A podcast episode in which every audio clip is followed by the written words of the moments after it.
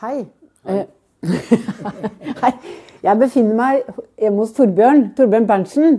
Eh, og til våre lyttere, velkommen til Sirkuler, Alfa Norge podkast om sirkulær økonomi.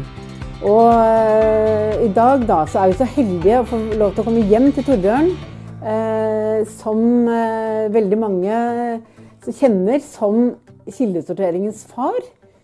Du var miljøvernminister fra 1990 til 1997.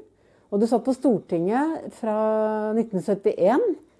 eh, Så, eh, og har bakgrunn fra industrien eh, før den tid. Så, og jeg vet at noe annet, og det skal vi snakke litt mer om etterpå, som du har jobba mye med som, som miljøvernminister, og det var dette med farlig avfall. Men det var en veldig kort intro, så hjertelig velkommen til deg, Torbjørn. Takk og takk, bare hyggelig. Ja, du, altså um, du, du var den som, som uh, satte i gang veldig mye av det som vi i dag uh, har som avfallssystem i de aller fleste kommuner. Uh, kildesortering. Og, og du dro i gang det som vi i dag kaller returselskaper for emballasje og, og på flere områder. Så hvordan var det dette, Hva var det som var viktig for deg? Hvordan kom dette i stand?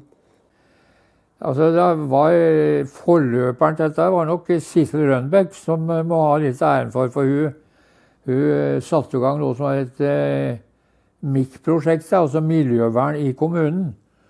Og ble bevilga ganske mye penger over statsbudsjettet første året. Og da ble det jeg tror det var 150 kommuner som hadde dratt inn et sånt prøveprosjekt.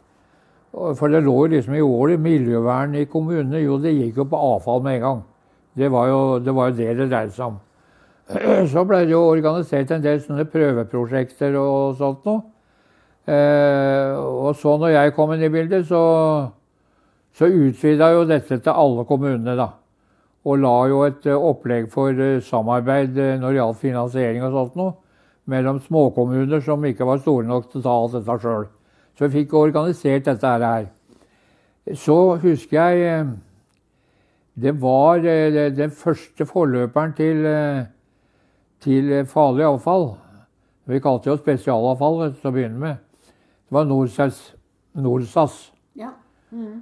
Og jeg hadde jo da tenkt å bruke Norsas til en sånn overbygging. Og så laga selskaper for hver enkelt avfallsfraksjon. Og så skal, skulle jeg, da, eller Miljøverndepartementet, få fullmakt til å fastsette gebyrer. Og så skulle vi få de penga inn. Og så bruke dem til å utvikle hele det systemet. Men da protesterte jo hele næringene i de forskjellige bransjene. For de ville jo ikke ha noe sånn statlig overstyring av det greiene der. Men så kom de opp da med konstruktive forslag sjøl. Med å lage avfallsselskapene. Og det ble jo da et samarbeid mellom de forskjellige bransjene og Miljøverndepartementet. Så øh, på et tidspunkt så tror jeg vi hadde ti eller tolv forskjellige avfallsselskaper. Hvor mange det er nå, det vet jeg ikke, men det er klart det.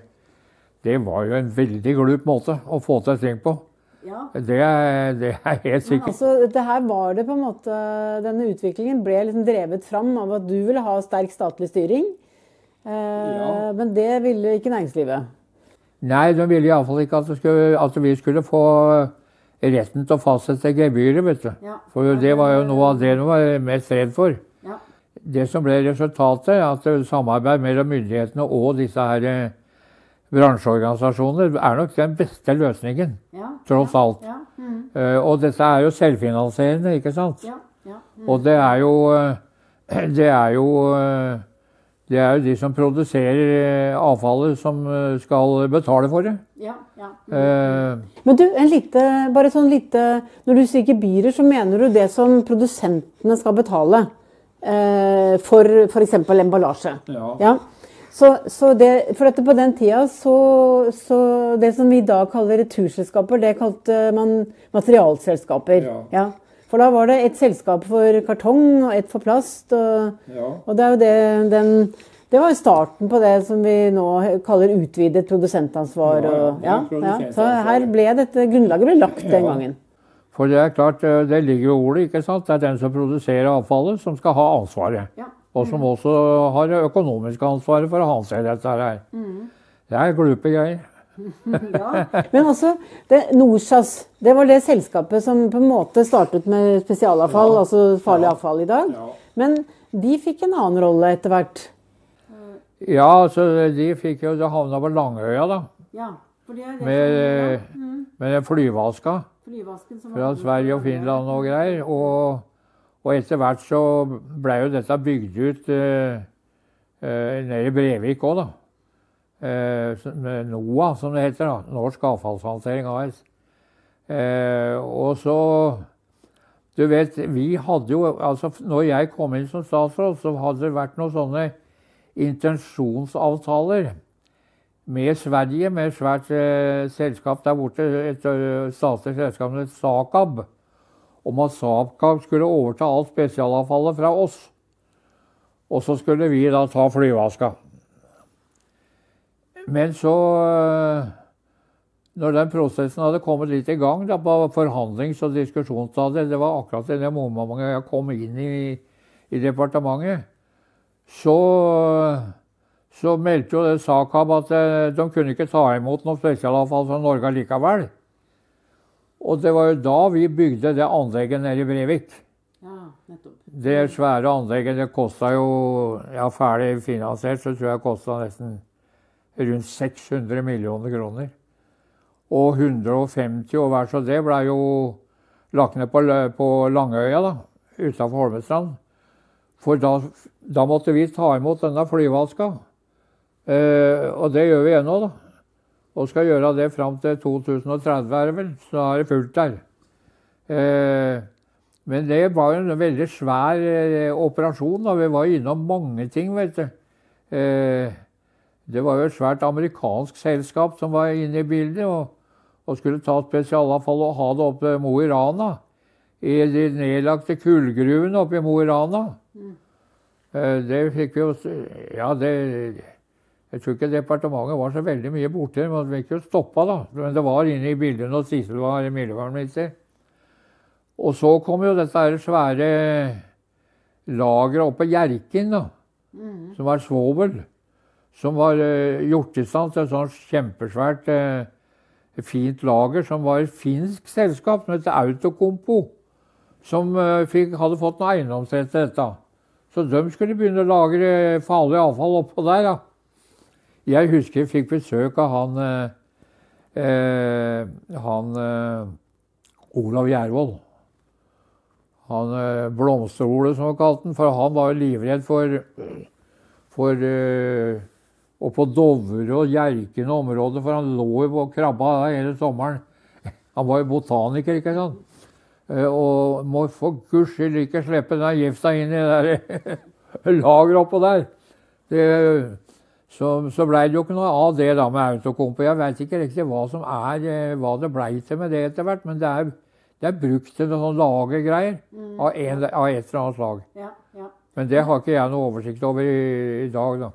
Men konflikten mellom industri og naturinteresser var høyst høyst eh, det høyst levende. har vel egentlig gått veldig bra, da, fordi at eh, eh, Altså også arbeidersida og bedriftseier- og bedriftsledersida har jo vært veldig konstruktive i Norge. De har jo vært med, eh, vært med på laget sjøl, tatt masse initiativ, og vært forfronter også. Så det er liksom eh, Vi har liksom blitt enige om at det skal være bærekraft, dette her. Ja. Og da må vi ta hånd om det som ødelegger. Og det er en felles oppgave. Så det har vært veldig enkelt å få samarbeida med, med næringslivet. Og det visste jo etableringa av disse her eh, materialselskapene òg, hvor de sjøl kom og ville være med å holde i rattet, da. Nei, så de tinga der tror jeg vi har håndtert ganske bra her i, i landet. Og det var noe som jeg kritiserte, eller var fleipa litt med han daværende miljøvernministeren i Tyskland. Han, han, han, han oh, Nå ser jeg hans alder, men han var jo miljøvernminister i Holland. Han. Men nok av det, da. Han, eh, han var jo veldig flink til å samle inn avfall. Men det ble sånne svære avfallsberg, for vi hadde ikke noe opplegg for sluttbehandlingen. Og det tok jo vi tak i med en gang, at det er ikke noe vits i å samle dette avfallet hvis vi ikke har et opplegg for sluttbehandling. Ellers så blir det bare sånn avfallsberg rundt omkring, som han hadde fått det. Klaus Støff, Ja, Klaus Støff. Der nede. Mm, ja. Kjempefin fyr, forresten. Så vi var jo der nede eh, Ja, da gikk jo dette på litt mer med sånn sur neber og sånn, for de hadde disse her svære kullkraftverka nede i Dresden og, og sånt. Og vet du, så jo noe så voldsomt med sånn eh, nitro Nitroglyserin, holdt jeg på å si. Eh, som kom fra forbrenningen av Carla. da, vet du. Ja, ja, ikke sant. Og mye av det havna jo her, ikke sant. Men du, når du ser, eh, når du ser rundt deg eh, i Norge nå, da, på liksom hvordan vi håndterer avfall, og, og hva, liksom, hva, hva tenker du om den utviklingen som, som du har vært med på å mm, jobbe fram? Jeg er jeg- i grunnen ganske fornøyd med det, altså. For jeg tror ikke det er så fælt mange som har gjort noe særlig bedre enn det vi har greid å få til. Og det er fulgt opp av, av, av, av de som kom e- etter meg, og jeg overtok etter Sissel, som hadde satt i gang dette her for fullt. da. Så øh, her har vært slekter før følger slekters gang på en ordentlig måte. altså. Og i dag så Jeg, jeg får jo tilsendt Kretsløpet, vet du, han øh, gamle kompisen. Det leser jeg, og det er, er veldig blad. Ja, Veldig fint blad. Og veldig eh, ja, poengtert og, og, og ja, superaktuelt hele tida, da. Så det, det leser jeg med stor interesse hver gang. og Liksom prøver å få fulgt med litt der, da. Ja. du, men du, du var jo inne på dette her med, med liksom, samarbeidet da, mellom altså både arbeidersida og næringslivet, men liksom, hele for å få dette her i stand på en god måte. Men, og nå snakker vi om, liksom, om sirkulærøkonomi og det grønne skiftet. Og, og, så hvis du skulle gi et råd til, til næringsminister eh, Vestre i dag, hva, hva ville du sagt til han? Alt det vi har snakka om nå Vi starta jo med det grønne skiftet for lenge siden. det er ikke sant. Så, så det, det kommer så mye rare ord inn i bildet etter hvert. men det er sant, det. Og det er samme da, som snakker om uh, sirkulærøkonomi. Vi kalte dette kretsløpsøkonomi. vi. Ja. Og det som, var, eh, det- det som var greia, det var at det, det vi tar ut av naturens eh, ressurser eh, for å bruke det, det må vi sørge for at vi har inne i kretsløpet lengst mulig. Så vi tar ut minst mulig. Eh, og, og det, det der med kretsløpsøkonomi har de da døpt om til sirkulærøkonomi. Ja. Kretsløpsøkonomi det er jo noe folk skjønner, ikke sant? Men det kommer til sirkulærøkonomi. Er det for noe rart, da? Det er kretsløp hvor du skal ha alt det du tar ut av naturen, inne i kretsløpet lengst mulig. Og det er med gjenvinning og gjenvinning og gjenvinning så lenge det går.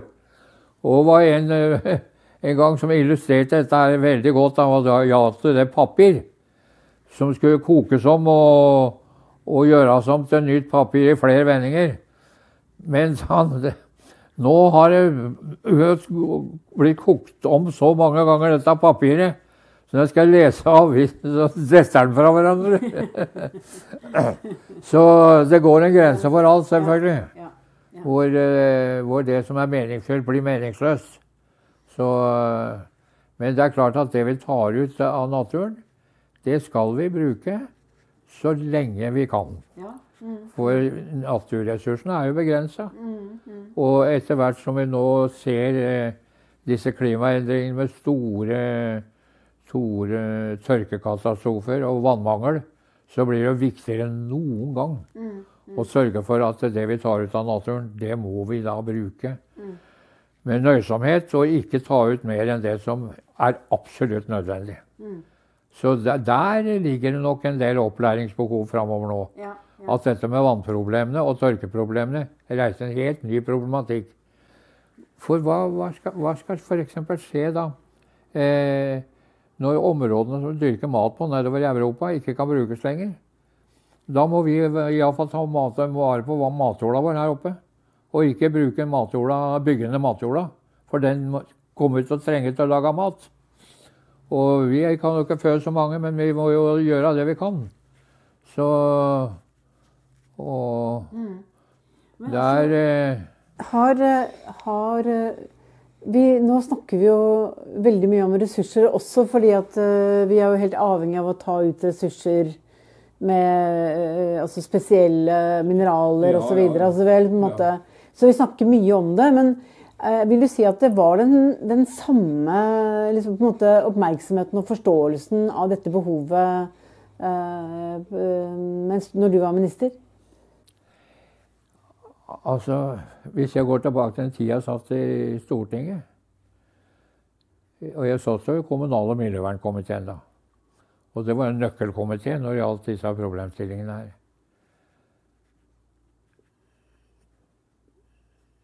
Så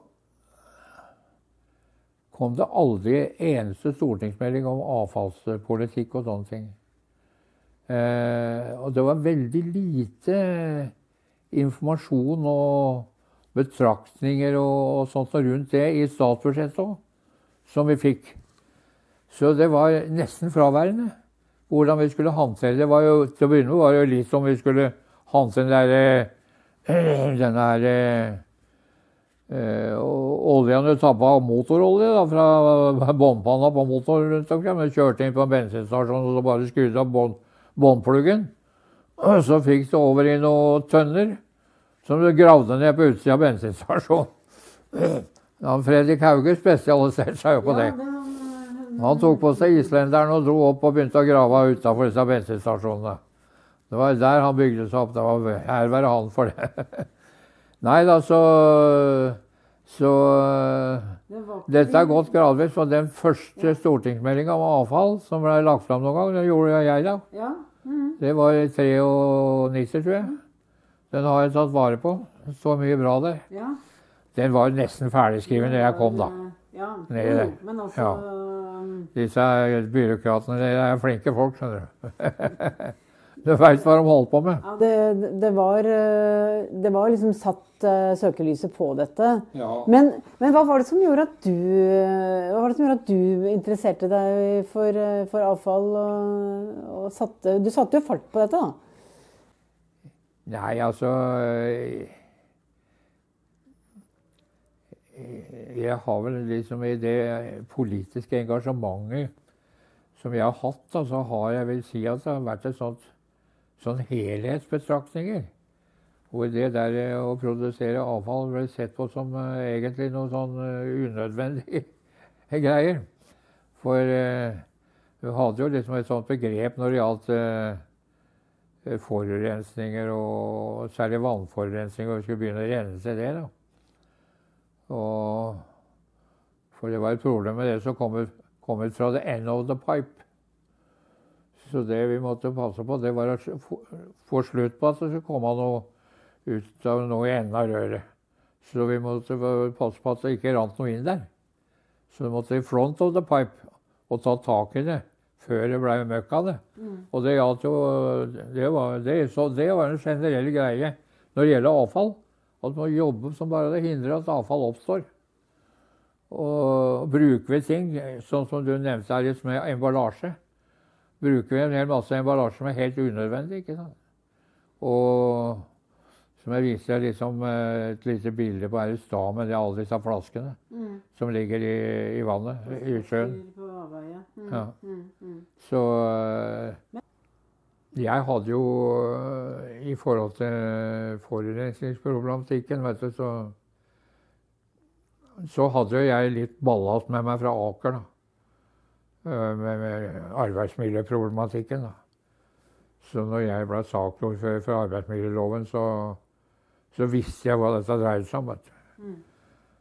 Og da gjaldt det ikke bare arbeidstidsbestemmelser og oppsigelsesvern og alle sånne ting. For det hadde også fått inn med morsmelka, holdt på å si, med utall av forelesninger på LO-skolen av Kåre Halden, som var sjef for juridisk kontor i LO, da, om loven.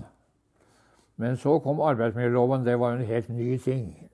Da, eh, da kom eh, alle disse tingene. For den gamle arbeidsvernloven den var veldig sånn industriell og gikk da på denne, sånne fysiske skader. Eh, og sånt noe. Men du vet, når jeg, jobba der nede vet du, som sånn eh, Jeg bare husker jeg, jeg fikk jo Jeg var rørlegger, da. Jeg fikk jo stålrør fra Tyskland som var innsatt med fett.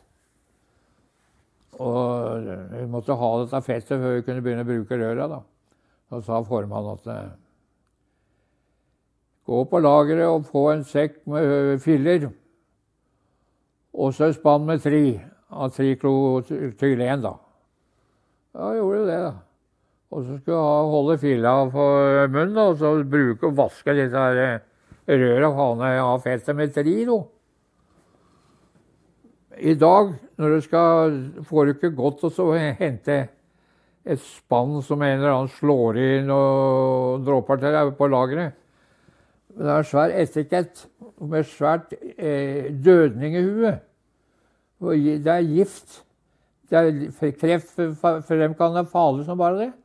Men jeg visste ikke. Mm, jeg visste ikke. Mm.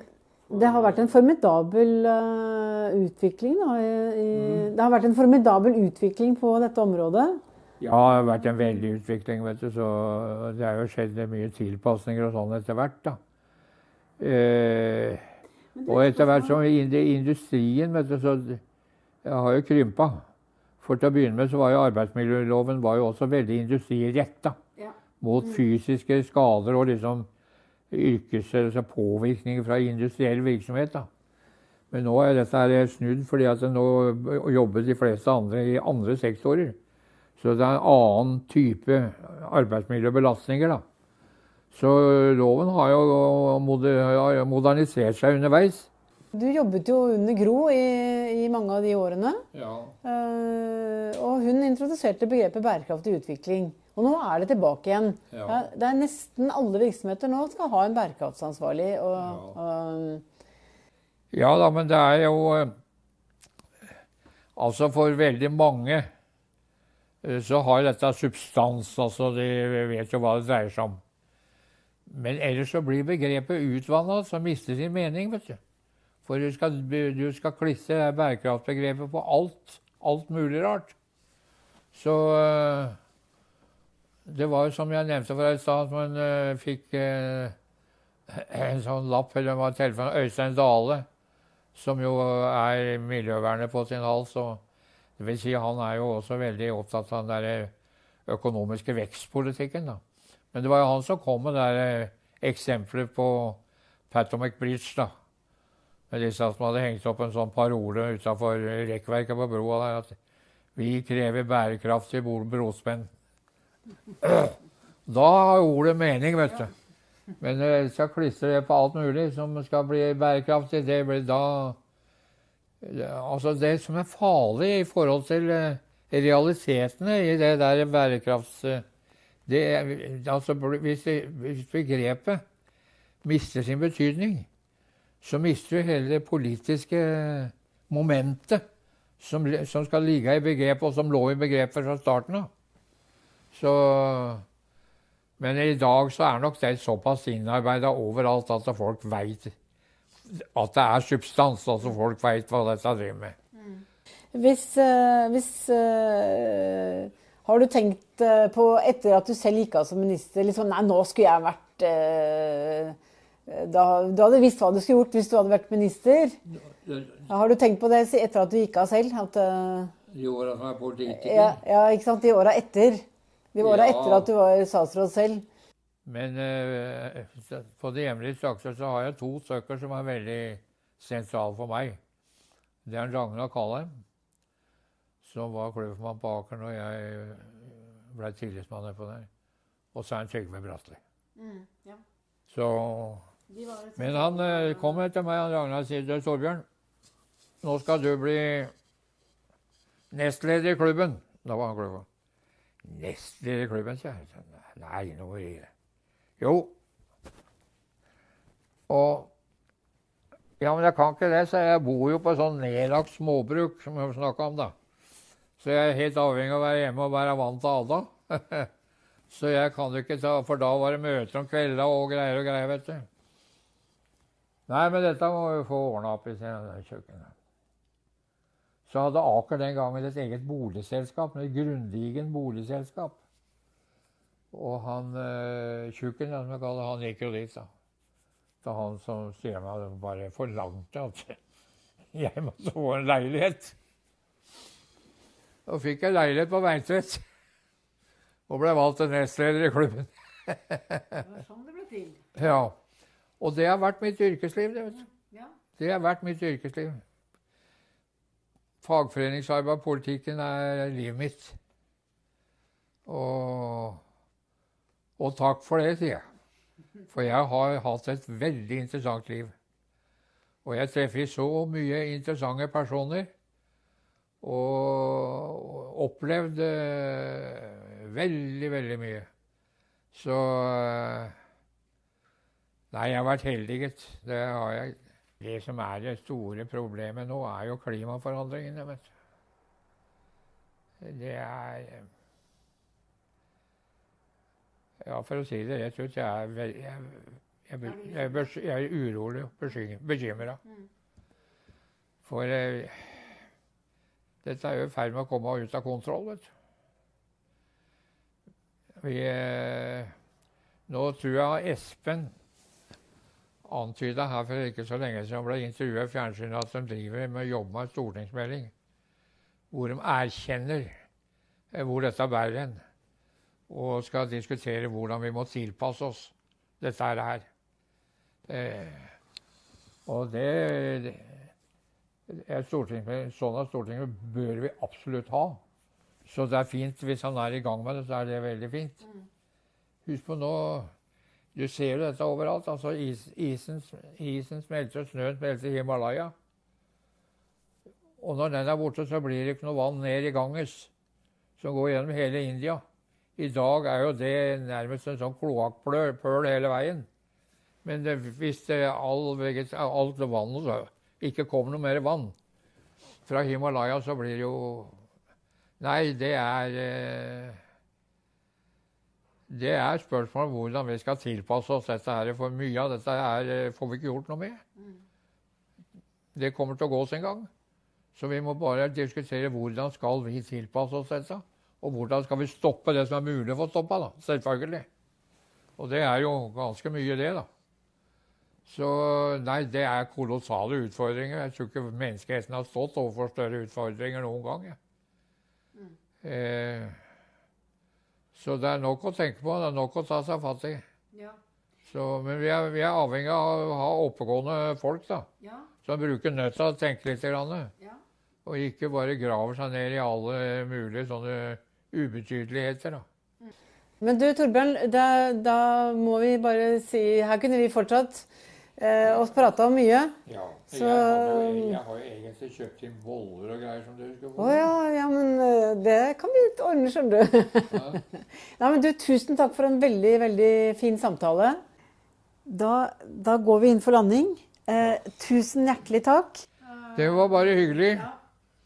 Og takk, vi får takke Håkon Bratland, som har vært eh, produsent her i dag. Mm. Og takk til alle som har hørt på oss i dag.